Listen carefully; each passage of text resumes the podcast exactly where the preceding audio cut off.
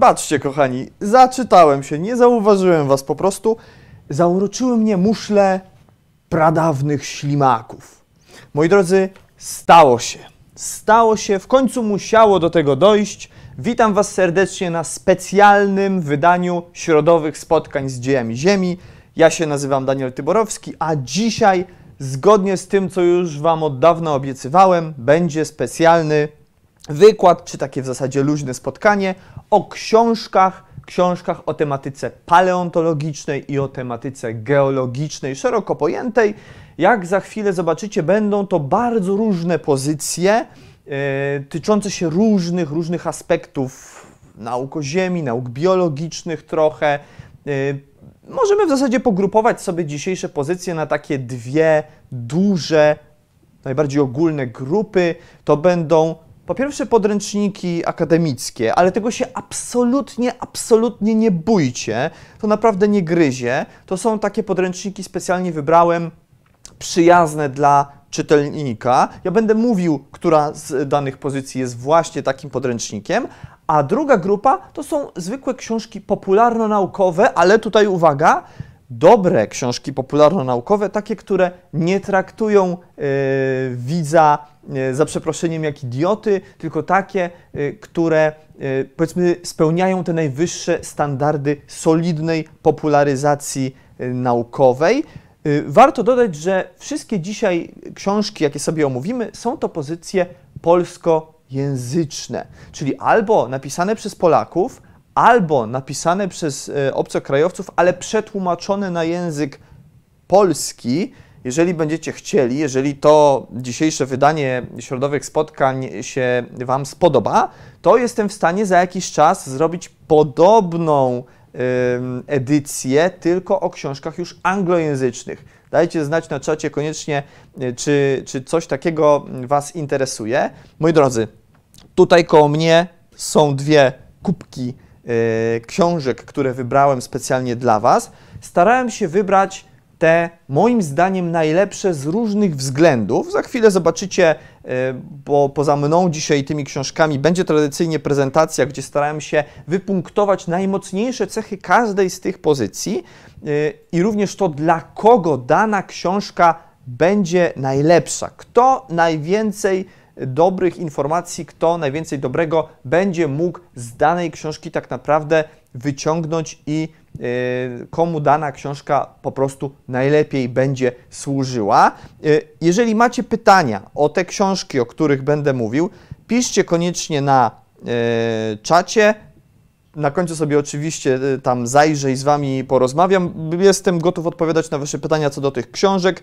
Może będą jakieś wątpliwości, może będziecie chcieli o coś dopytać, to oczywiście na końcu sobie y, z chęcią porozmawiamy. Nie miejcie mi też za złe, jeżeli w tym zestawieniu nie znajdzie się Wasza ulubiona książka z dziedziny paleontologii czy geologii. To jest takie moje the best of. Będzie tutaj trochę mniej takich starszych pozycji, Myślę, że z oczywistych względów y, starałem się wybrać jak najbardziej aktualne książki po prostu, więc fani jakichś takich być może kultowych, ale starszych książek, y, no tutaj raczej tych pozycji nie znajdą, także to jest takie moje the best of the best. 11 pozycji z polskojęzycznych książek paleontologicznych i geologicznych. No to co? Zaczynamy. Moi drodzy, pierwsza książka E, którą mam tutaj blisko koło siebie, jej może nie być do końca widać, bo ona jest, moi drodzy, zielona, a ja tego wy nie widzicie, ale ja siedzę na y, green screenie. Wszędzie dookoła mnie jest zielono, za mną jest zielono, pod moimi stopami jest zielono, pod fotelem jest zielono i ta książka może się momentami zlewać z y, właśnie tym green screenem, może się na niej wyświetlić to, y, co, co tutaj jest puszczone za mną. Książka Ewolucja Douglas Futuima. Moi drodzy, to jest taka Biblia, duża książka, wielka, jak widzicie, e, wydana przez wydawnictwa Uniwersytetu Warszawskiego. E, no i cóż, moi drodzy, zaczynam od niej. W ogóle ten spis książek będzie takim spisem od ogółu do szczegółu, jak zobaczycie, czyli od książek bardziej tyczących się takich ogólnych problemów, ogólnej tematyki paleo czy geologicznej, do bardziej szczegółowych, gdzie na końcu to zobaczycie, będą już książki tyczące się jakichś wybranych, konkretnych grup organizmów, czy jakichś konkretnych, wąskich zagadnień. Ale zaczynamy od tych szerokich i ewolucja Douglas Futuima to jest właśnie tego typu pozycja. Tutaj, moi drodzy, znajdziecie wszystko, co chcecie wiedzieć o podstawach podstawach, taka, taka, taka gruba książka, a o podstawach biologii ewolucyjnej. Dokładnie o mechanizmach ewolucji, o tym, mniej tutaj będzie takich informacji o tym, jak przebiegała ewolucja w minionych epokach geologicznych. O tym będą inne książki. Natomiast ta pozycja raczej mówi nam o tym, jakie, jakie prawa, jakie mechanizmy, jakie procesy rządzą ewolucją. Jak działa dobór naturalny, jak wyglądają różne preadaptacje i różne inne już takie prawdziwe adaptacje, przystosowania do życia w określonym środowisku. Jak wygląda na przykład genetyczna strona, tak zwana genetyczna teoria doboru naturalnego. Na czym polegają zjawiska związane ze specjacją, czyli powstawaniem nowych gatunków. To wszystko znajdziecie w tej książce, więc ona na pewno będzie przydatna, poza oczywiście wszystkimi fanami e, biologii, to będzie przydatna uczniom szkół średnich, gdzie elementy biologii ewolucyjnej lub jak to się czasem mówi, ewolucjonizmu się znajdują, więc dla wszystkich y, uczniów klas o profilu na przykład biologicznym, biochemicznym czy biogeograficznym, ci wszyscy, którzy maturę z biologii chcą pisać, to zdecydowanie ewolucja jest właśnie taką pozycją dla nich niezbędną, plus oczywiście dla wszystkich studentów kierunków tak naprawdę w ogóle przyrodniczych, bo ewolucjonizm poza tą taką prawdziwą biologią ewolucyjną, e, czyli gałęzią biologii, e, ewolucjonizm to jest też pewna myśl filozoficzna, to jest taki element filozofii nauki, który będzie przydatny i w biologii, będzie przydatny w geologii, będzie przydatny w kosmologii również i astrofizyce, E, i w różnych, różnych innych dziedzinach nauk przyrodniczych. Jeżeli studiujecie na przykład weterynarię, jeżeli studiujecie e, na przykład zootechnikę, jeżeli planujecie być botanikiem na przykład też, bo to się tyczy ewolucja i zwierząt i roślin, e, to ta książka będzie Wam niezbędna, żeby zrozumieć, dla Was niezbędna, aby zrozumieć procesy i zjawiska ewolucyjne, które po prostu tą ewolucją rządzą. Wszyscy fani Karola Darwina w te pozycje. Karola Darwina swoją drogą, którego widziałem, że jest obecny na, na czacie jeszcze zanim rozpoczęliśmy live, yy, muszą się w te pozycje zaopatrzeć.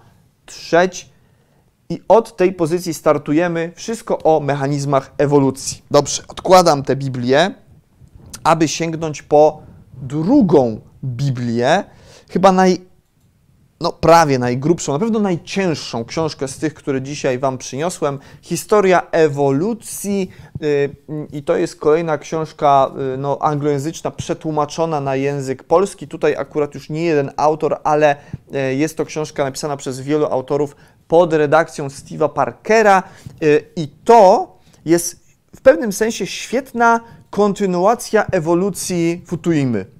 Dlaczego? Dlatego, że historia ewolucji, moi drodzy, traktuje o tym, jak to rzeczywiście było, jak przebiegała ewolucja w minionych epokach geologicznych. Więc tutaj znajdziecie, właściwie mogę Wam otworzyć, poza, poza opisami konkretnych organizmów, tutaj mamy na przykład graptolity, Pamiętacie, kiedyś rozmawialiśmy sobie o graptolitach? To jak się chcecie o nich dowiedzieć coś więcej, to sięgamy do tej książki. Jak chcecie na przykład o ichtiozaurach, o, tak mi się otworzyło, to też tutaj wszystko o ichtiozaurach. Jak na przykład o, proszę, Tyrannosaurus rex, konkretnych gatunkach, to również. Dodatkowo otworzymy sobie na przykład, pójdziemy trochę dalej, o, torbacze, ssaki. To poza tym, że macie tutaj omówione te wszystkie e, zwierzęta, które do torbaczy należą, jak przebiegała ewolucja tych zwierząt e, w przeszłości geologicznej i jak wyglądają formy współczesne, no to na dole macie taką e, chronologię wydarzeń. w milionach lat podane, co, kiedy, jaki wynalazek ewolucyjny w danej grupie, w danej linii rozwojowej się pojawił. Więc na przykład mamy, co tu mamy? 70 milionów lat temu północnoamerykański dydelfodon, drapieżny dydelf, przypominający wydrę o mocnych szczękach żył. Później mamy 25 milionów lat yy, temu w River Slide w Australii w ciągu ponad 15 milionów lat odkładają się szczątki dokumentujące ewolucję megafauny torbaczy. Dwa miliony lat temu pojawia się australijski lew workowaty, 50 tysięcy lat temu australijska megafauna przechodzi gwałtowny kryzys i tak dalej, i tak dalej. Więc macie tutaj nie tylko zwięzłą historię wszystkich tak naprawdę tych najważniejszych grup organizmów wymarłych i współczesnych, bo tu są głównie zwierzęta, trzeba przyznać, ale będą tutaj również rośliny, Będą również mikroorganizmy. Początek w ogóle tyczy się oczywiście e, tego, jak e, powstało życie na Ziemi. E, jest o, wspomniany już tutaj Karol Darwin. Każdy rozdział zaczyna się w ogóle, moi drodzy, zaraz Wam to znajdę i pokażę. Każdy rozdział zaczyna się taką super wyczesaną ewolucją w postaci drzewa rodowego. Rozdział o roślinach, mówiłem, że są rośliny, i jest wielkie drzewo rodowe pokazujące ewolucję roślin, które linie ewolucyjne oddzielały się od których, jak to rzeczywiście było, nazwy łacińskie, nazwy polskie, odniesienia do konkretnych stron. Super.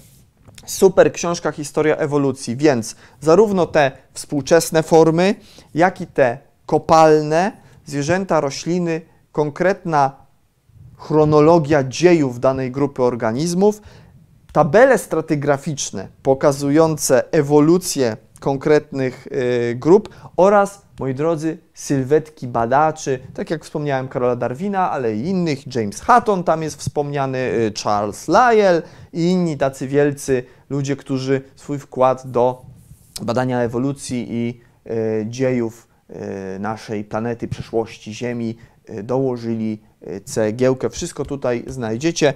E, to jest akurat wydawnictwo mm, Arkady. Gorąco, gorąco polecam. Fajna książka, pięknie również ilustrowana. Kupa dobrej zabawy i wiedzy przy niej jest. Ja nierzadko przygotowując wykłady dla Was, korzystam z tej książki. Zresztą wiem, że na przykład Krzysiek Poznański z Naukowo TV również korzysta z historii ewolucji, e, więc myślę, że obaj możemy z czystym sumieniem te pozycje Wam polecić. No dobrze. Przechodzimy do książek teraz bardziej geologicznych, ciągle takich traktujących dosyć ogólnie te zagadnienia, ale teraz z, z, zagadnień takich czysto ewolucyjnych do geologii. I tu mam dla Was dwie pozycje, które są w pewnym sensie taką, ta druga będzie kontynuacją tej pierwszej.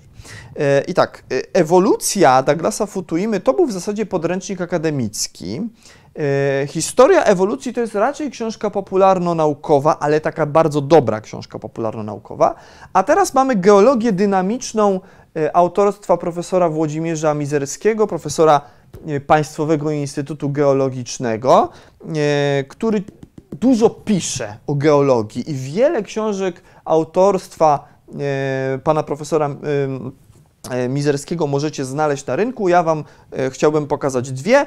Obie są podręcznikami akademickimi i zaczynamy od geologii dynamicznej. E, geologia dynamiczna to jest książka traktująca o jednej z najważniejszych, z tych głównych gałęzi w geologii, czyli właśnie geologii dynamicznej. Na niektórych uniwersytetach ta gałąź nosi nazwę geologii fizycznej. To, jest, to są po prostu wszystkie procesy geologiczne, najważniejsze, zarówno te, które zachodzą we wnętrzu Ziemi, tak zwane procesy endogeniczne, jak plutonizm, jak wulkanizm, e, czyli wszystko wiecie, związane z magmą, z tym, co się dzieje we wnętrzu Ziemi, jak wybuchają wulkany, jak się formuje skorupa ziemska, jak i procesy egzogeniczne, jak sedymentacja, jak transport materiału, e, jak również diageneza, jak wietrzenie, czyli takie zagadnienia e, związane bardziej powiedzmy z sedymentologią, z, z właśnie taką egzogeniką, e, jak i wprowadzenie tu jest pojęcia czasu geologicznego, do tego później wrócimy przy następnej książce, ale tutaj już wstępnie koncept czasu w geologii jest poruszony, jak również e, jest omówiona szczegółowo tektonika płyt litosfery, e, w ogóle budowa wnętrza Ziemi, rozwój taki historyczny tych koncepcji, bo dzisiaj obowiązuje tektonika płyt, ale jeszcze nie tak dawno temu stosunkowo obowiązywała tak zwana teoria geosynklin. No, dzisiaj nie jest aktualna, ale w tej książce profesor Mizerski też ją zawarł, najprawdopodobniej po to, żeby porównać e, te dwie teorie, tą jedną historyczną i tą e, bardziej współczesną. E, jest tutaj również szczegółowe omówienie minerałów, systematyki minerałów, właściwości minerałów, mm, również, również środowisk i warunków, w których minerały powstawały, więc pewne elementy mineralogii tutaj są. Są również elementy petrografii, bo tak jak w przypadku minerałów, tak samo w książce tej jest systematyka, budowa, procesy powstawania skał. Zresztą powstawanie skał jest mocno związane z tymi procesami endogenicznymi i egzogenicznymi, wobec czego no rozumiecie, to wszystko jest razem jakoś tam potraktowane. Również jest taki wstęp do budowy układu słonecznego i no ogólnie powiedzmy takich, takich nauk bardziej astronomicznych w geologii. E, no i budowa planet, ogólnie podstawy planetologii. Wiecie, Ziemia jest planetą skalistą. E, planetologia no, tyczy się różnych planet, ale przynajmniej w odniesieniu do tych planet skalistych, e, to wiedza, która jest zawarta w tej książce, E, również się przyda przy poznawaniu tych ciał innych skalistych z Układu Słonecznego. Dla kogo jest ta książka? Tak jak powiedziałem, jest to podręcznik akademicki, ale on tak naprawdę może być również dla uczniów szkół średnich. Myślę tak naprawdę, że dla szkół podstawowych również. Wiecie, w programie geografii szkoły średniej cała pierwsza klasa, no może nie cała, ale spora część pierwszej klasy to jest geologia. E, tam jest tak zwana geografia fizyczna. I duża część geografii fizycznej to jest właśnie geologia dynamiczna. Wszystko to, co się tyczy litosfery, budowa Ziemi, ery okresy, czyli tabela stratygraficzna, e, minerały, skały, skala moza, tego typu wiadomości, to tutaj znajdziecie. Więc jeżeli ktoś szykuje się na maturę rozszerzoną albo podstawową z geografii, to w geologię dynamiczną powinien się zaopatrzyć. Studenci geografii również bo na studiach geograficznych jest przedmiot geologia, ale on się przeważnie nazywa na geografii geologia, ale to się sprowadza do geologii dynamicznej. O studentach geologii w zasadzie mówić nie muszę, no bo oni taki przedmiot mają na pierwszym roku, tak jak mówię, on się może różnie nazywać, w zależności od miasta, od uniwersytetu. To może być geologia dynamiczna, to może być geologia fizyczna, to mogą być podstawy geologii, różnie, różnie to się może nazywać. Coś Wam pokazać z tej książki. Mm, ze środka. Co tu sobie wybierzemy? Mamy wulkanizm i skały wulkaniczne i mamy pięknie pokazany tutaj taki o stożek wulkaniczny, prawda? Dymi sobie coś tam z niego, taki komin. Więc mamy te procesy endogeniczne. Mamy również procesy egzogeniczne, na przykład ruchy masowe. Tak jak kojarzycie, czasami jak są silne opady, w górach teren nie jest zalesiony, no to wtedy może dojść do, do takiego osunięcia się kawałka y, Ziemi. To są tak zwane grawitacyjne ruchy masowe, które mogą prowadzić do ogromnych zniszczeń. O tym również jest w tej książce.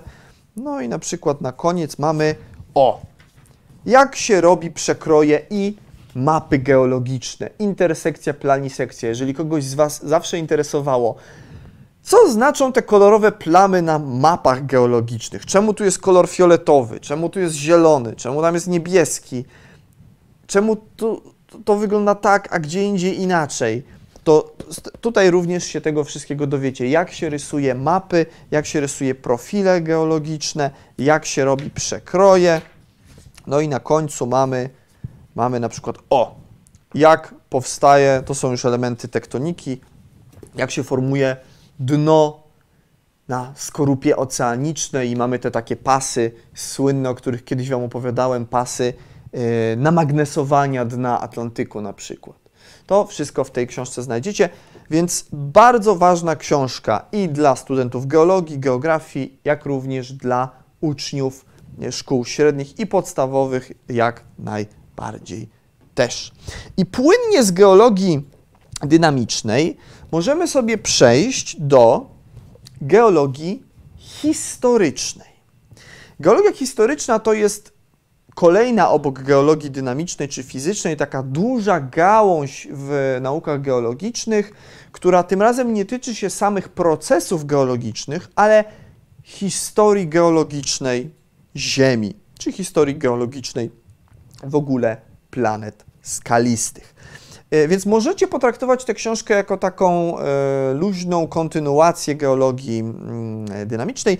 Podobnie jak geologia dynamiczna to jest wydawnictwo PWN. Autorem geologii historycznej jest znowu profesor Włodzimierz Mizerski z Państwowego Instytutu Geologicznego. Razem napisał tę książkę ze, z profesorem Stanisławem Orłowskim, e, profesorem Wydziału Geologii Uniwersytetu Warszawskiego. No i oni razem stworzyli taką książkę właśnie o czasie geologicznym, więc tutaj mamy rozszerzenie tego, co już nam geologia dynamiczna zajawiła. Mm, tam to było takie krótki taki rozdziałik, tu jest tego trochę więcej. Jak w ogóle wygląda stratygrafia, czyli ta dziedzina e, nauk o Ziemi, ta dziedzina geologii, która tyczy się czasu w sensie geologicznym, jak się rekonstruuje wydarzenia w dziejach Ziemi, skąd wiemy, że coś było młodsze, a coś było starsze, e, jakie jest następstwo danych wydarzeń, jak datować obiekty. Jest to w zasadzie taki przegląd przez całe dzieje Ziemi od prekambru do dzisiaj, ze szczególnym uwzględnieniem terenu Polski. Więc na przykład otworzyło mi się otworzyło mi się na Sylurze i mamy mapkę Polski z zaznaczonymi różnymi złożami. E, zaraz otworzymy sobie dalej na przykład na, na karbonie i znowu mamy występowanie osadów dolnego karbonu w Polsce. Więc to jest taka książka, w której jest duży taki regionalny nacisk, jeżeli Was interesuje. Często mnie o to pytacie, na różnych wykładach. Dostaję od Was masę takich pytań, chciałoby się rzec. Czy na terenie na przykład województwa podlaskiego znajdę to i to? Czy w okolicach, y, nie wiem, Pomorza Zachodniego, w okolicach y, Człuchowa, dajmy na to, mogę znaleźć takie i takie skamieniałości? Czy na Lubelszczyźnie znajdę to i to? Czy tam będą skały takiego wieku i takiego? Czy tam będą skamieniałości takie i takie? No to jeżeli chcecie to wiedzieć, to trzeba sięgnąć koniecznie po geologię historyczną. Ha, a propos tych skamieniałości, no to to jest dobre takie kompendium wiedzy o skamieniałościach w danych w danych, moi drodzy, przedziałach czasu geologicznego, więc przy każdym okresie mamy, mamy o, spis takich ważniejszych, częściej występujących w danym okresie geologicznym skamieniałości. Tu mi się otworzyło na kambrze, więc mamy trylobity, mamy gdzieś tutaj tego słynnego Anomalocarisa, który na takie trylobity polował. Jak przewiniemy sobie dalej do na przykład pa, pa, pa, syluru, no to mamy graptolity i wielkoraki. Więc to jest znowu to. Znowu wracamy do, tej, do tego aspektu, tak jak mówiłem o tym regionalnym, to tutaj ten aspekt paleontologiczny. Na to jest mocny nacisk położony. Nie tylko sam rozwój, na przykład skorupy ziemskiej, gdzie powstawały dane skały, gdzie powstawały dane złoża, ale również gdzie, jakie skamieniałości, w których przedziałach czasu występują najliczniej i w Polsce których regionach, gdzie można znaleźć jakie skamieniałości. Od prekambru do dzisiaj tak naprawdę, więc przejazd przez całe dzieje Ziemi, a trzeba przyznać, że książeczka jest nieduża, taka dosyć poręczna, e, dobrze się to czyta. To jest również podręcznik akademicki, ale tak jak mówię, wszystkie podręczniki, które Wam dzisiaj wybrałem, e, no nie należy się ich bać, one są lekkie, łatwe i przyjemne. Dla kogo jest ta książka? W zasadzie mógłbym powtórzyć wszystko to, co powiedziałem przy geologii dynamicznej.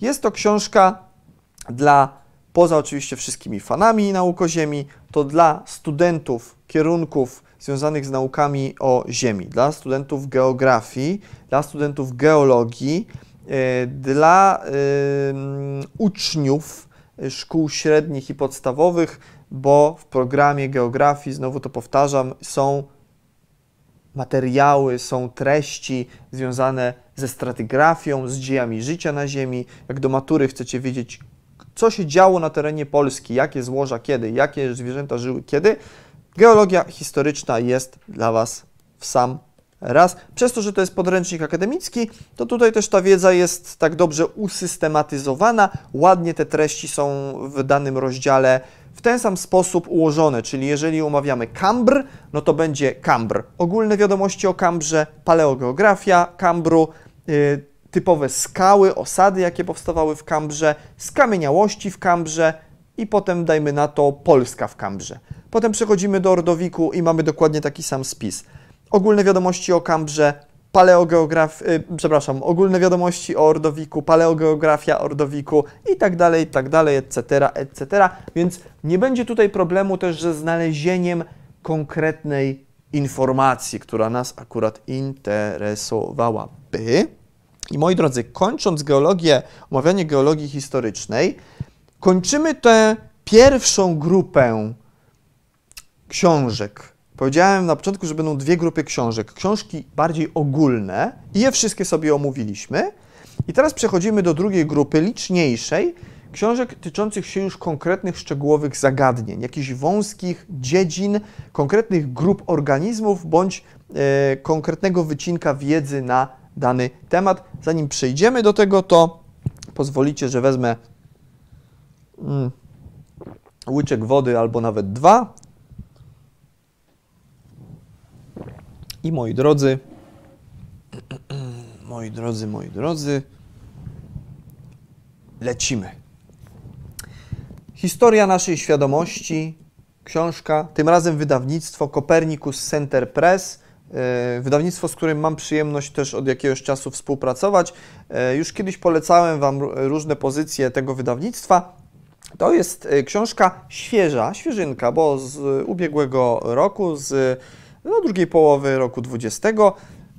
Gruba, duża książka, chyba najgrubsza ze wszystkich, jakie dzisiaj Wam y, przyniosłem. Y, jest to książka traktująca o wczesnych etapach ewolucji życia.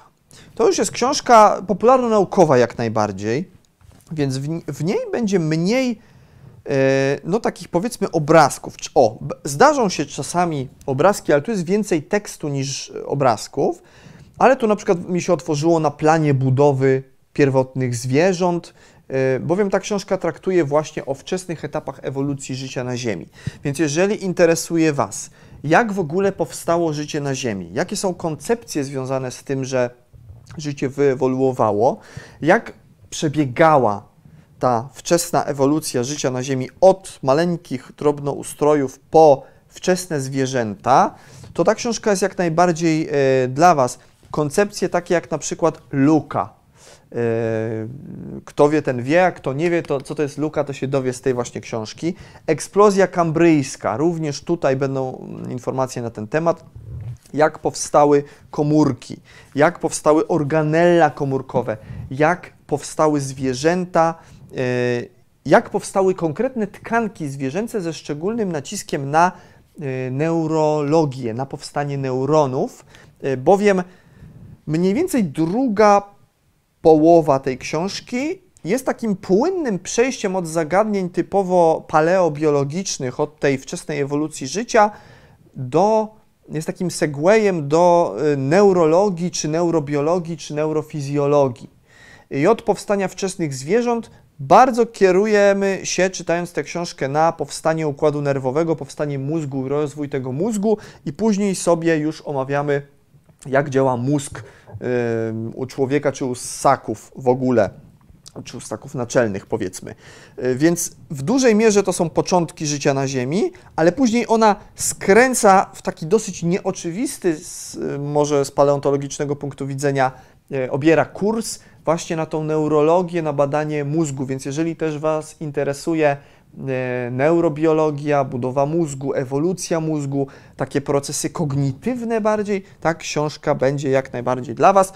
E, więc to już nie jest podręcznik akademicki, ale myślę, że mogę z czystym sumieniem polecić mm, historię naszej świadomości tak naprawdę wszystkim studentom kierunków przyrodniczych, bo ze względu na ten swój taki mocno interdyscyplinarny charakter, ona się przyda i zoologowi, i przyda się paleontologowi, i przyda się geologowi, i przyda się neurobiologowi, więc bardzo, bardzo różnym y, specjalizacjom. Nawet czasami takim bardzo wąskim, bo i neurofizjolog z tej książki, czy student powiedzmy neurobiologii będzie mógł czerpać wiedzę, a z innych rozdziałów na przykład student, który wybrał specjalizację związaną ze stratygrafią y, i chce się zajmować y, na przykład prekambrem albo kambrem, to jak najbardziej z tej książki wiedzę również wyciągnie. Więc książka traktująca o takich wąskich dziedzinach, ale kilku i tak naprawdę bardzo interdyscyplinarna. No i tak jak mówię, pokaźne tomiszcze jest to. Dobrze, idziemy dalej. Teraz ułożyłem te książki w takiej mm, sekwencji e, od tych powiedzmy pierwszych etapów. Ta książka Historia naszej świadomości tyczyła się tych e, pierwszych etapów życia na Ziemi i tak będziemy się zbliżać coraz bardziej do współczesności. E, jedziemy z jedną z najbardziej chyba podstawowych książek bliskich sercu każdemu paleontologowi, podstawy paleontologii Urszula Radwańska. Pani profesor Urszula Radwańska pracuje na Wydziale Geologii Uniwersytetu Warszawskiego. Tam y, wykłada paleontologię bezkręgowców, tam wykłada również mikropaleontologię i w zasadzie ta książka tyczy się tej pierwszej dziedziny paleontologii czy paleozoologii bezkręgowców. Na okładce mamy piękne maszerujące nasze polskie trylobity e, Trimerocephalus hopini z kowali jeden za drugim, jeden za drugim. Mamy tu jakiegoś fakopsa. E, co jest w tej książce? To, to, to jest, tak, przede wszystkim to jest podręcznik akademicki znowu, ale on jest napisany prostym językiem. Ma ilustracje pokazujące budowę wybranych organizmów, ale ma też zdjęcia skamieniałości konkretnych. Więc poza rysunkiem trylobita, na którym będzie pokazana jego szczegółowa anatomia, zobaczycie również zdjęcia prawdziwych skamieniałości, prawdziwych kolekcji dydaktycznych, na których swoją drogą uczą się studenci paleontologii. Więc to jest niejako książka oparta o taki żywy materiał, z którego studenci się uczą. Więc nawet jeżeli studentem nie jesteście, ale na przykład jesteście w liceum i chcecie wiedzieć już, jak się przygotować na przykład do e, studiowania geologii czy paleontologii, to warto po tę książkę sięgnąć. E, ona się zaczyna w ogóle od omówienia procesów tafonomicznych, tego jak w ogóle powstają skamieniałości. I tu Wam znowu pokazuję takie piękne, piękne i schematy pokazujące to, jak skamieniałości się formują, jakieś zdjęcia jakichś wybranych ciekawych stanów zachowania skamieniałości, więc tak zwana tafonomia, ta dziedzina paleontologii, która tyczy się powstawania skamieniałości i ogólnie procesów fosylizacyjnych, to wszystko tutaj znajdziecie. Jest również pokaźna część związana z nomenklaturą paleontologiczną i, yy, i zoologiczną. Ona jest na końcu. I tu jest na przykład, jak w ogóle wymawiać nazwy łacińskie. Na co stawiać akcenty, kiedy na przykład jest, y, jakie Wam pokazuję często różne łacińskie nazwy i tam na przykład coś ma w nazwie AE, dlaczego ja to czytam E, nie, to A jest nieme. To wszystko, y, odpowiedzi na to są w tej książce, ale lwia część tej pozycji, jej to mięso ze środka to jest właśnie paleontologia czy paleozoologia bez kręgowców, więc wszystko od gąbek, Zresztą, żeby nie być gołosłownym, to proszę, o, stromatoporoidy. Pamiętacie, to są te, co w Sejmie występują. Mówiłem Wam już o tym kiedyś. To mamy taki przekrój przez stromatoporoidy. Yy, mamy co tam? Mamy koralowce, mamy te trylobity, to już Wam pokazałem. Mamy na przykład szkarłupnie, nasi kuzyni, rozgwiazdy i co my tu mamy? Wężu widła na dole. Pięknie, pięknie pokazane ilustracje tychże skamieniałości. Więc myślę, że to jest podręcznik dobry dla wszystkich, oczywiście studentów kierunków przyrodniczych w ogóle, bo on będzie dobry dla studentów paleontologii, geologii, ale również biologii. Myślę, że na różnych studiach e, takich mm, ogólnozoologicznych typu weterynaria, zootechnika, jakaś hodowla zwierząt, jeżeli studiujecie na różnych uniwersytetach y, rolniczych na przykład, to również ta książka się Wam przyda, jeżeli jesteście zainteresowani anatomią bezkręgowców. Wiem, że przeważnie pewnie weterynaria to będzie badanie no, y, ciała, anatomii zwierząt kręgowych, ale na pewno też Wam się poznanie anatomii budowy wewnętrznej e, zwierząt bezkręgowych również przyda i to Wam serdecznie polecam. E, myślę, że mniej dla uczniów już takich, którzy są, nie chcą się doszkolić w paleontologii przed zaczęciem studiów, ale w, w, programie biologii jeszcze do niedawna były elementy zoologii. Teraz to już zostało, z tego co patrzyłem, no w zasadzie wycięte, e, ale myślę, że też nie, nie zaszkodzi do matury z biologii po tę książkę sięgnąć. Więc to były podstawy paleontologii, książka o bezkręgowcach kopalnych. I przechodzimy sobie do kręgowców. Moi drodzy, ryby kopalne. Ryby kopalne to jest podobnież jak podstawy paleontologii wydawnictwa Uniwersytetu Warszawskiego. E, książka już taka trochę grubsza, bardziej obszerna.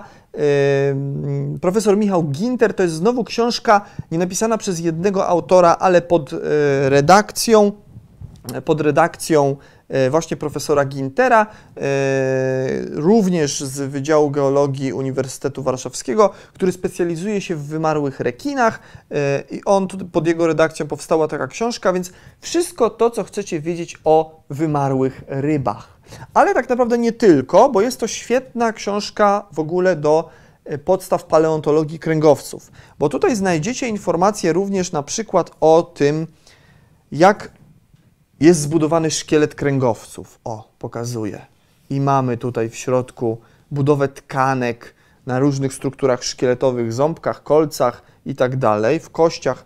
Jak wygląda szkielet kręgowców? Mamy, mamy na przykład, o, drzewo rodowe ryb pancernych. Kiedyś będziemy musieli sobie zrobić w końcu wykład o rybach pancernych, to na pewno wtedy sięgnę tutaj. Ryby pancerne, zresztą rozdział o rybach pancernych pisał... Yy, nasz tutaj ekspert od ryb pancernych, dr Piotr Szrek z Państwowego Instytutu Geologicznego. Mamy o ryby kostnoszkieletowe, proszę bardzo. Mamy również rekiny. O rekinach tu jest ogromny kawał tej książki, to są rekiny.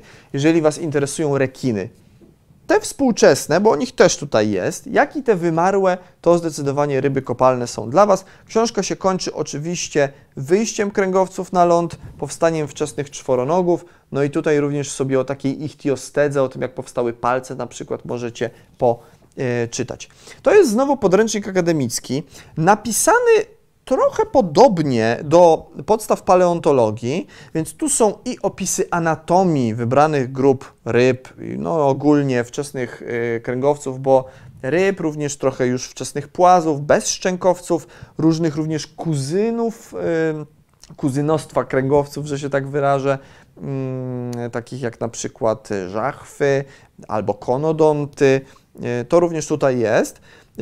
I poza systematyką, bo ta książka jest napisana systematycznie, po kolei mamy jakąś na przykład gromadę i w danej gromadzie omawiamy sobie różne grupy, które tam e, występują. Jeżeli omawiamy ryby kostno-szkieletowe, to tam omawiamy po kolei promieniopłetwe i mięśniopłetwe. W promieniopłetwych omawiamy, e, nie wiem, e, paleoniski, jaszczurokształtne, potem różne inne nowopłetwe, dochodzimy do doskonałokostnych i tak dalej, i tak dalej.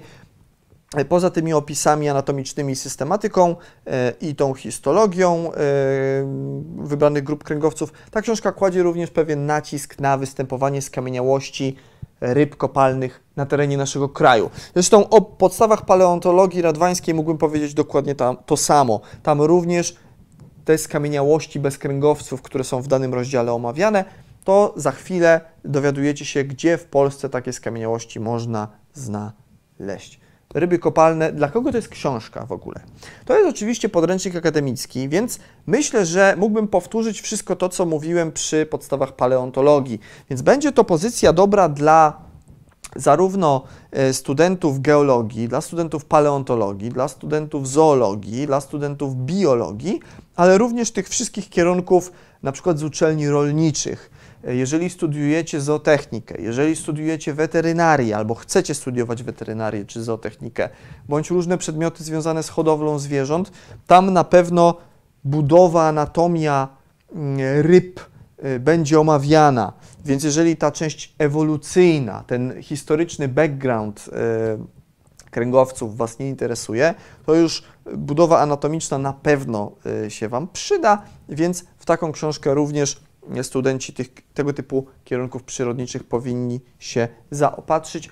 Słowem, ogólnie dla przyrodników świetna pozycja. No i zanim przejdziemy sobie do czworonogów, to pozwolicie, że wezmę łyczek. I kolejna pozycja, moi drodzy,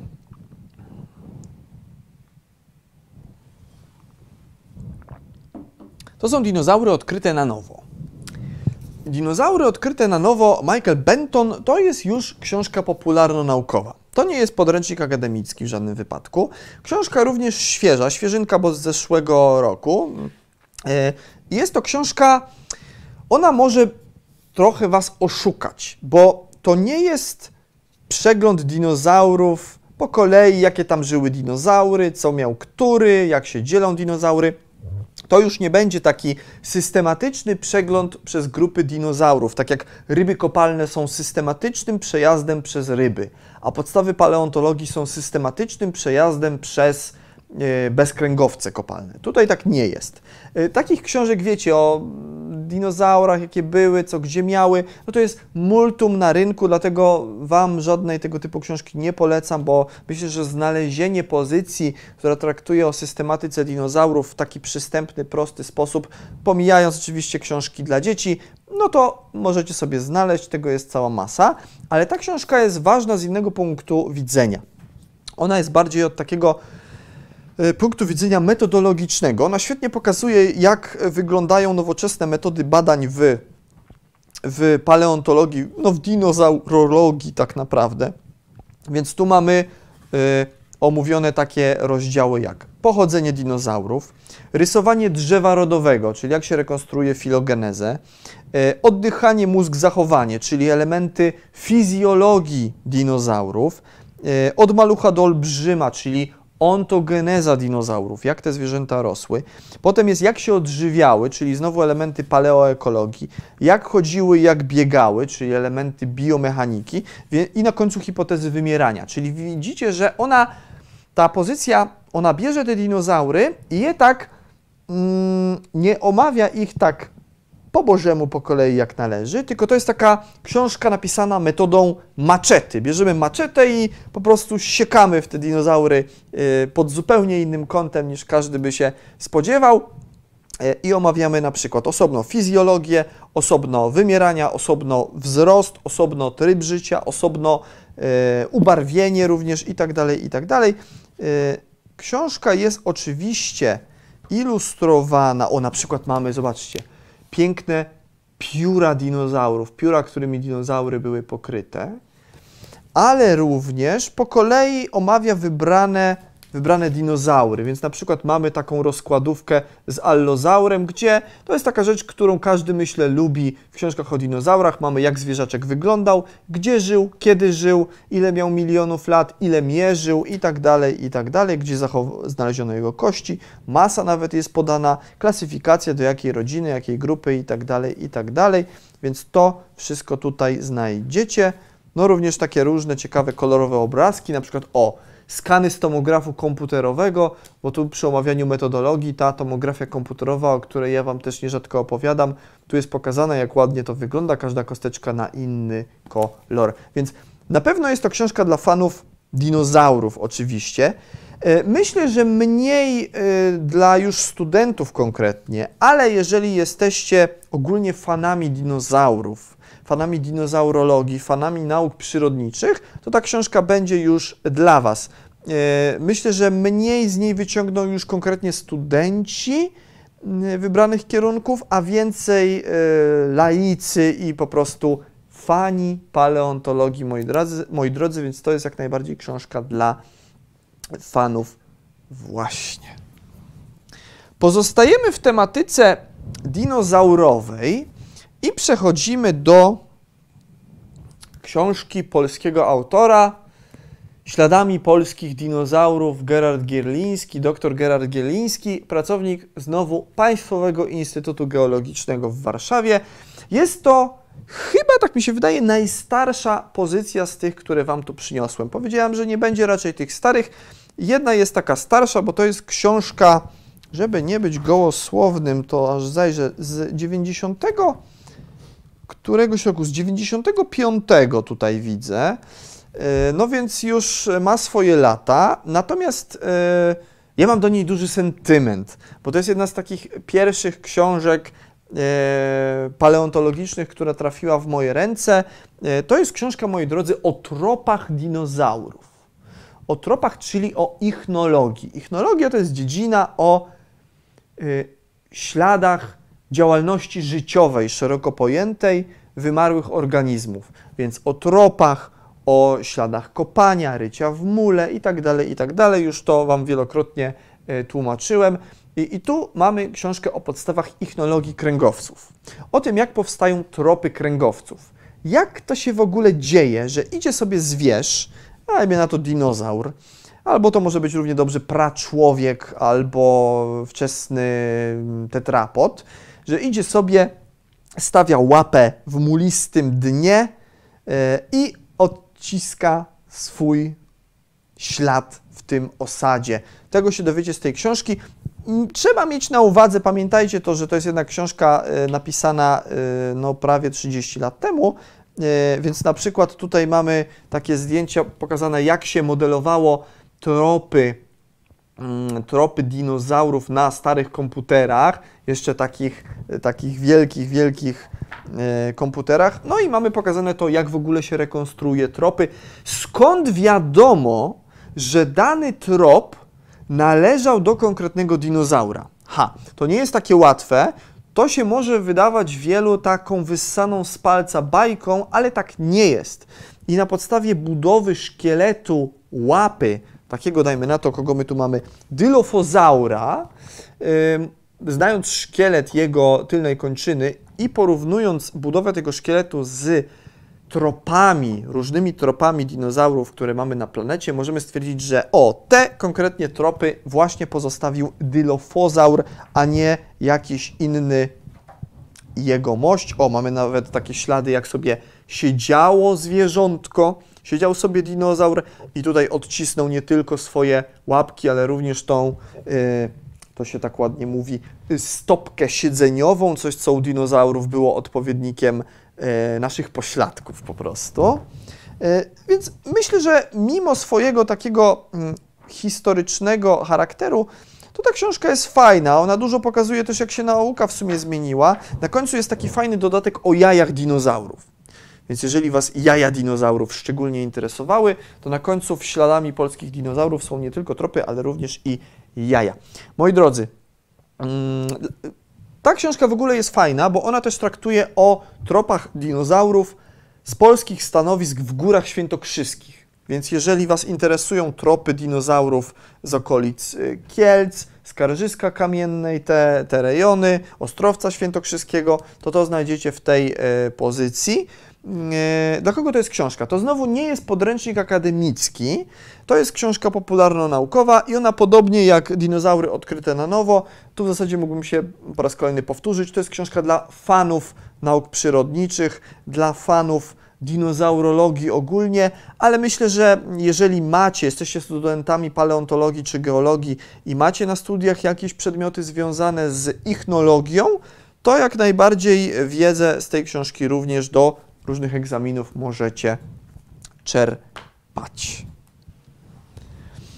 I moi drodzy, przechodzimy sobie z dinozaurów do ssaków i mamy książkę Zofii Kielan-Jaworowskiej w poszukiwaniu wczesnych ssaków, ssaki ery dinozaurów z ładną taką okładką pokazującą ryjki, czaszki i ryjki różnych mezozoicznych ssaków. E, to jest książka znowu nie będąca podręcznikiem akademickim, to jest znowu książka popularno-naukowa. Ona y, dzieli się w zasadzie na takie dwie części. Pierwsza część opisuje, też żeby nie być gołosłownym, mniej więcej Wam pokażę, ile tej książki, to jest ta pierwsza pierwsza część o mniej więcej, mniej więcej tyle. To jest pierwsza część, e, czyli tak na oko jedna czwarta, e, która tyczy się wykopalisk paleontologicznych na pustyni Gobi, skąd e, lwia część skamieniałości mezozoicznych ssaków, które są omawiane w tej książce, były pozyskane. A dalej mamy już systematyczny przejazd przez różne grupy ssaków, które żyły w mezozoiku. Na przykład tu mi się otworzyło wieloguskowce, multituberkulaty i mamy taki złożony anatomiczny schemat pokazujący czaszkę, w tym wypadku czaszkę Catops batar. To jest właśnie jeden z takich multituberkulatów, które w późnej kredzie y, Mongolię, Azję za się y, dlały. Więc mamy tutaj przejazd przez te różne ssaki ery dinozaurów. Nacisk jest głównie położony na te kredowe, ale również mamy te, te wszystkie inne jurajskie, czy jakieś formy, od których ssaki się w ogóle, w ogóle wywodzą, więc tu mi gdzieś mignął Dimetrodon.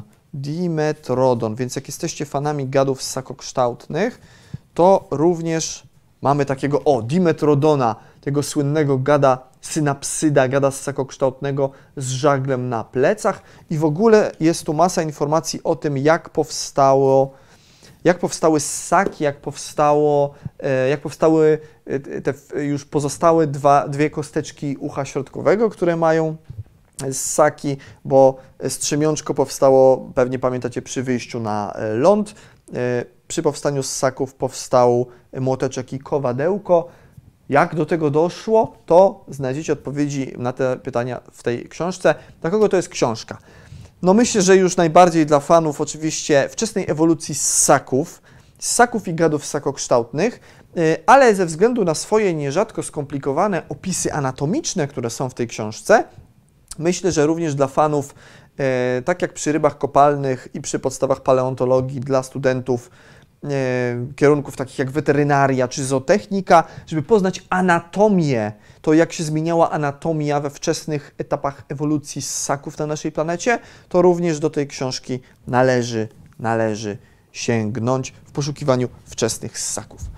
I moi drodzy, ostatnia pozycja, jaką Wam dzisiaj na dzisiaj przygotowałem, mm, to jest książka również tycząca się ssaków, o której już kiedyś Wam wspominałem, podglądając wieloryby mm, autorstwa Nika Pensona, również świeżynka, publikacja, y, która wyszła mm, pod koniec ubiegłego roku. Y, y, Nick Penson bada wymarłe wieloryby, wymarłe walenie w ogóle, nie tylko wymarłe zresztą, współczesne też. I ta książka tyczy się właśnie badań E, nad wielorybami. To jest znowu wydawnictwo Copernicus Center Press, e, tak samo jak Historia naszej świadomości. Jest to książka popularno-naukowa, więc tu jest znowu mniej obrazków, a więcej tekstu jednak. E, natomiast raz na jakiś czas zdarzają się, jeżeli bardzo lubicie obrazki, no to raz na jakiś czas zdarzy się, o, taki piękny pakicetus, jak sobie brodzi gdzieś w eoceńskim Pakistanie i chwyta jakąś rybkę, to czasami można znaleźć. E, książka jest fajna, ona jest podzielona na takie trzy zasadnicze części. Przeszłość, i to jest ten element paleontologiczny, gdzie jest omówiona y, z grubsza ewolucja waleni, z naciskiem na najważniejsze stanowiska paleontologiczne, w których skamieniałości waleni występują, od tych właśnie pierwotnych pakistańskich form, przez na przykład słynną dolinę Wadi al-Hitan, Dolinę Wielorybów w Egipcie, po e, no chyba jedno z najbardziej spektakularnych stanowisk e, z mioceńskich waleni, które znajduje się w Ameryce Południowej, gdzie te wieloryby były w, tak kilka naraz obok siebie zachowane, kilka nawet jeden obok drugiego. To jest stanowisko, w, w, w które znajduje się u wybrzeży Oceanu Spokojnego. E, Cerobajena, tak się nazywa. E, więc to jest ta pierwsza część, przeszłość. Potem mamy teraźniejszość i tam mamy omówienie biologii dzisiejszych wielorybów, więc już dochodzimy do tych form dzisiejszych. Płetwale błękitne, humbaki, finwale, z naciskiem na ich fizjologię i taką y, biologię, powiedzmy, biomechanikę, to jak działają różne części ich szkieletu, jak te zwierzęta przystosowały się do życia w tym niezwykłym środowisku. A trzecia część to jest przyszłość, czyli pewne elementy tego, no, co się może stać z waleniami i jak te walenie chronić, żeby przetrwały, no bo jak pewnie wiecie, walenie dzisiaj raczej dobrze się nie mają, szczególnie tutaj początek XX wieku, no mniej więcej okres 100 lat temu, lata 20 był dla wielorybów e, bardzo, bardzo przykry. Wtedy to był rozkwit e, wielorybnictwa i wiele form, między innymi tych, które licznie zamieszkiwały konwergencję antarktyczną, morza wokół e, Antarktydy, wtedy po prostu zginęło i już nigdy tam ta struktura tych, tych populacji się nie odnowiła do dzisiaj. E, ale o tym przeczytacie w tej książce. Co jest w niej jeszcze takie ważne? Z racji, że ona traktuje o różnych aspektach przeszłość, teraźniejszość i przyszłość, to ona, mm, e, ona pokazuje, jak fajnie e, zderza się metodologia różnych dziedzin. Bo trochę inna jest metodologia paleontologii, która bardziej należy do nauk o Ziemi i ma taką metodologię typowo związaną z naukami o Ziemi, gdzie to się zderza z na przykład badaniem biomechaniki i fizjologii, więc mamy metodologię nauk biologicznych. Y, Payson zresztą pisze w tej książce o tym, jak współpracował z różnymi badaczami, którzy nie są paleontologami, tylko na przykład są biofizykami albo biomechanikami i jak musiał nagle no, zmienić w ogóle swój punkt myślenia, sposób myślenia, punkt widzenia, bo się okazało, że sposób myślenia paleontologa czy geologa no, jest kompletnie inny niż sposób myślenia biofizyka. A trzeba było nagle z takim współpracować, więc spojrzeć na dany problem z zupełnie innej perspektywy. Więc myślę, że to jest książka też ciekawa dla wszystkich fanów ogólnie e, nauki, tego jak różne dziedziny wykształcają swój własny aparat e, badawczy, swój aparat pojęciowy i jak te różne dziedziny i aparaty poznawcze się ze sobą stykają. I to jest ostatnia pozycja, moi drodzy, którą ja mam dla Was. Y, zerknę okiem, co pisaliście na czacie, tylko najpierw się jeszcze nawodnię. I jestem gotów podpowiadać na Wasze pytania. Na Wasze pytanie odnośnie tych książek. Może coś Was zaciekawiło konkretnego. Może ja powiedziałem coś Mm, coś niedokładnie, może chcecie o coś dopytać. Może jeszcze jesteście ciekawi, czy w jakimś innym kierunku studiów e, albo do jakiejś innej matury e, przyda się Wam, czy przyda Wam się któraś konkretna z tych książek. Zobaczmy, zobaczmy, co tam pisaliście.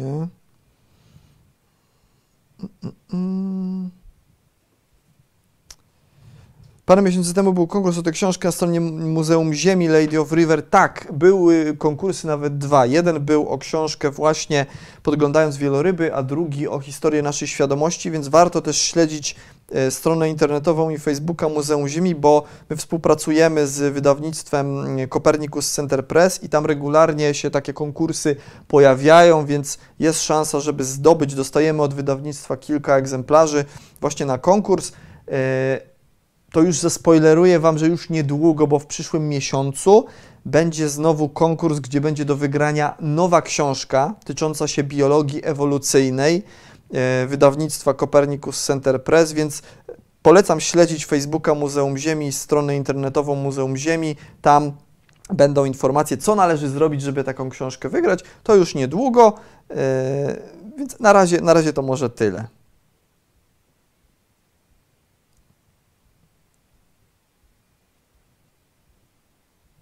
Żyjemy w kapitalnych czasach, non-stop wydawane są wartościowe książki uwzględniające przyrost wiedzy naukowej. Nasi przodkowie, nie tylko ci sprzed wieków, nie mieli takiego dostępu do wiedzy. Wow, napisał kamień mezozoiczny. No nic, tylko się z tym zgodzić, prawda?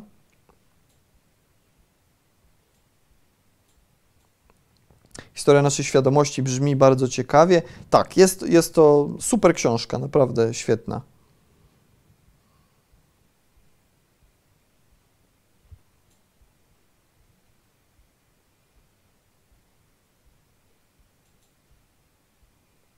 Cudowne tło. Dzikuska napisała tak, dzisiaj jestem w takim e, arystokratycznym chyba, chyba tle w jakimś pałacu. Mm. Mimo, że ja tego nie widzę, tylko wy to widzicie, moi drodzy. Wokół mnie jest zupełnie inny anturaż. Zdziwilibyście się, jak wygląda to studio, w którym ja, ja siedzę.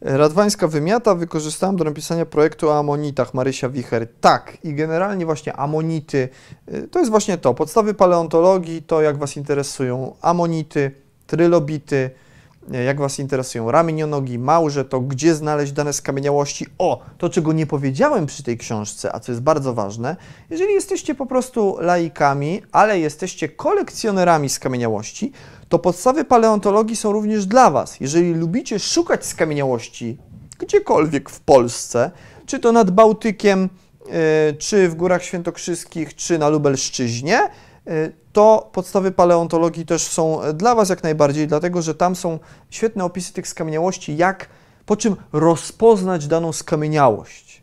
E, więc taki szybki przewodnik tych najczęściej spotykanych skamieniałości i tego, jak się je rozpoznaje, tam się znajduje. Więc dla zbieraczy, dla dla, dla kolekcjonerów skamieniałości jak najbardziej.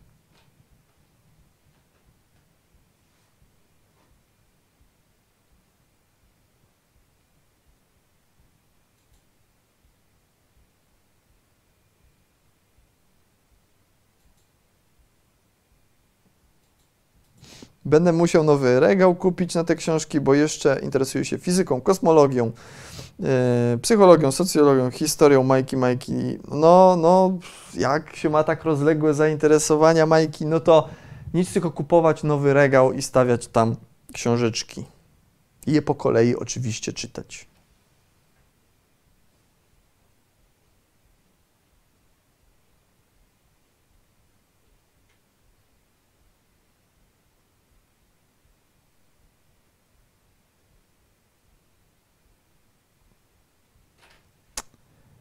Dobrze, dobrze. Co z książką magistra Bentona odnośnie wielkiego wymierania permskiego, napisał Charles Darwin.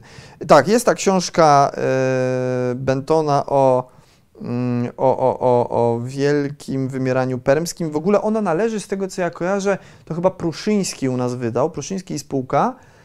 Tam, je, tam była taka e, seria, mm, to się chyba nazywało Na ścieżkach wiedzy to też Wam polecam zajrzeć. Zajrzyjcie do serii Pruszyński e, i spółka, seria Na ścieżkach wiedzy. Tak mi się wydaje, poprawcie mnie jeśli się mylę, ale chyba ta książka Bentona o wielkim wymieraniu permskim należała do tej, do tej serii. E, no to generalnie polecam też, tak, tak, tak.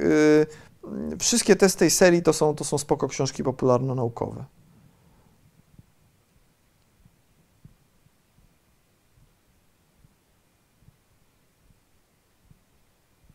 Czekamy na wykład o rybach pancernych. Dobrze, to ja sobie e, notuję w szufladce w głowie ryby pancerne.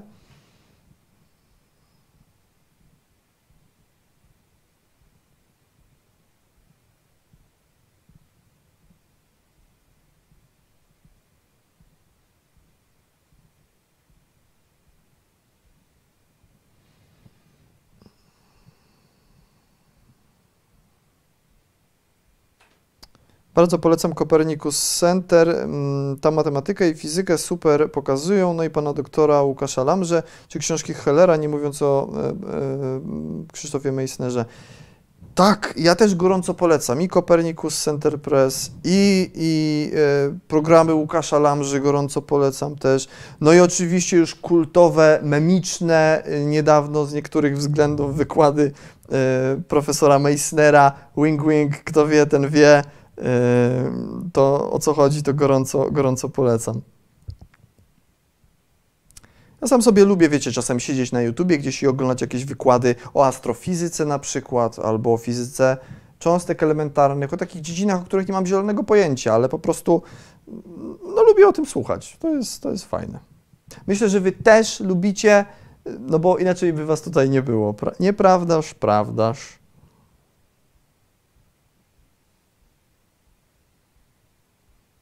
Książki też mają wpływ na życie, gdyż uczymy poprawnie czytać i mówić różne słówka. Zgadza się, dokładnie tak. Książki, przede wszystkim jak czytamy nowe książki, czytamy dużo książek, to poszerza się nasze, mm, nasz taki aparat, ogólnie spektrum słów, którymi dysponujemy.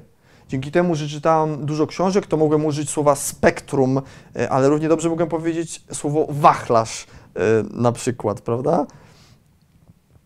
Więc ja polecam czytanie książek.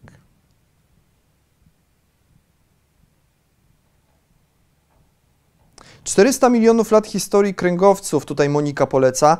Yy, tak, i to też jest fajna książka, ale ona jest już troszkę taka wiekowa. Ja się długo zastanawiałem, czy przynieść Wam tutaj do dzisiejszego zestawienia takie książki właśnie już trochę zdezaktualizowane. Tutaj Monika pisze, że to jest książka z 65 roku. E, nie pamiętam z którego, ale jestem w stanie w to uwierzyć, bo też mam tę książkę. I myślę, że warto po tego typu publikacje sięgać też ze względu na to, żeby zobaczyć, jak się zmieniła nasza wiedza e, w ciągu tych ostatnich kilkudziesięciu lat. No ja się tutaj głównie dzisiaj skupiłem na tych pozycjach nowszych, bo, bo no, stwierdziłem, że one mogą się przydać po prostu studentom czy uczniom e, w trakcie nauki, do matury, do egzaminu.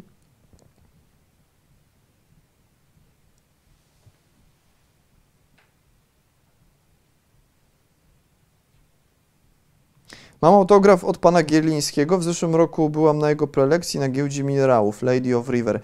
No wiesz co, Lady, ja też mam autograf od, od e, Gerarda Gierlińskiego, który, e, to wam już opowiem taką historyjkę krótką, e, jak dostałem ten autograf od doktora Gierlińskiego w 97 roku, jak byłem małym szkrabem, rodzice mnie zabrali do Państwowego Instytutu Geologicznego i tam na odlewie tropu dinozaura Doktor Gerard mi się podpisał y, dla Daniela od Gerarda z dinozaurowymi pozdrowieniami. I mam taki trop dinozaura z mm, autografem.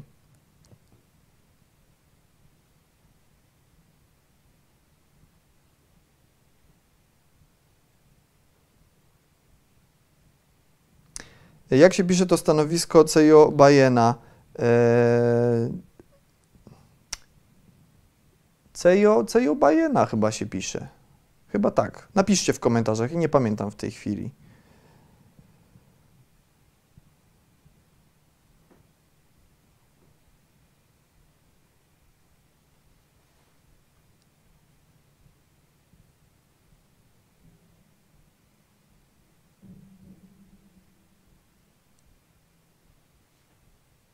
Czy są jakieś książki o ewolucji owadów? No myślę, że są, ale przyznam się, że yy, no nie znalazłem takich. Na pewno jest masa książek takich typowo entomologicznych, ale czy będą o paleoentomologii, takie w języku polskim, to wątpię. Yy, po angielsku myślę, że coś by się znalazło.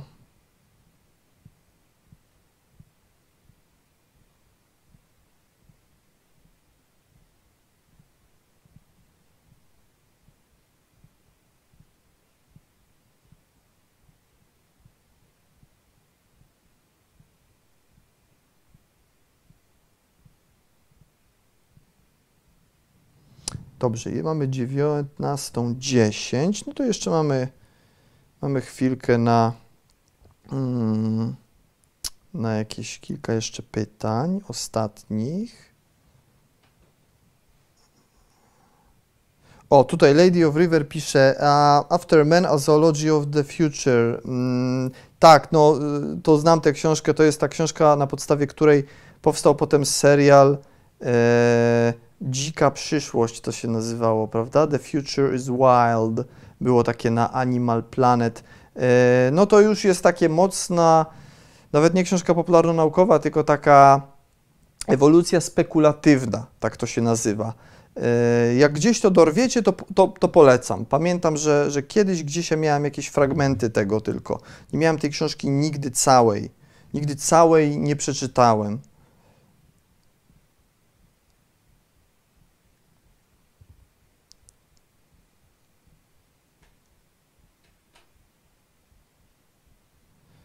Aha, książka Bentona o permskim wymieraniu jest już niedostępna na rynku, tylko drukują pod specjalne zamówienie za wysoką kwotę. Aha, no to szkoda. to w takim razie słabo.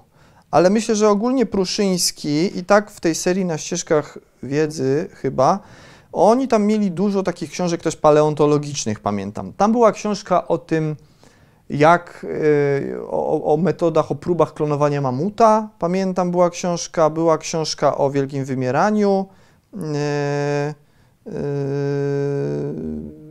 w którym chyba też perm, nie, okredowym była taka pozycja. Było o tym, jak, jak, jak coś tam było, jak zbudować dinozaura, chyba tak to się nazywało. Oni tam mieli kilka takich ciekawych książek. To już są takie trochę starsze pozycje, ale myślę, że również warto do nich zajrzeć. Dobra.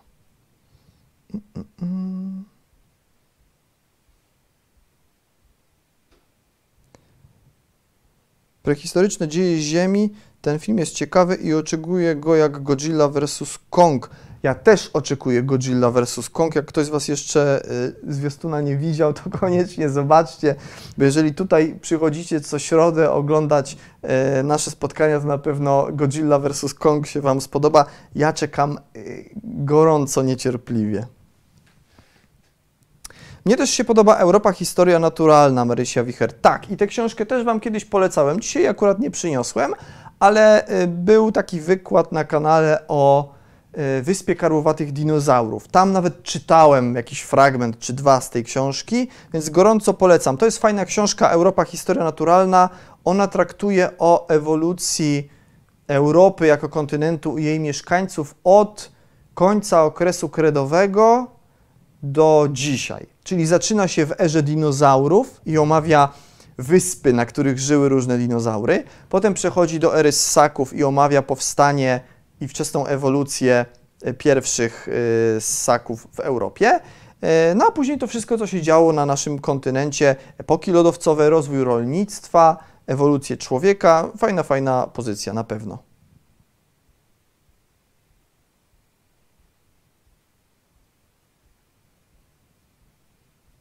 No dobra, moi drodzy, jest 13 po. Nowe spojrzenie na starą planetę Justyna e, Żukowska poleca. Tak, tak, to jest też książka, którą się męczy studentów na geologii, na zajęciach z geologii historycznej. E, pamiętam, że tam trzeba jakieś wybrane rozdziały z e, właśnie z nowego spojrzenia na starą planetę, no tak jak wiecie, jak w szkole na języku polskim, przeczytać, a potem jest jakiś sprawdzian z lektury czy coś takiego.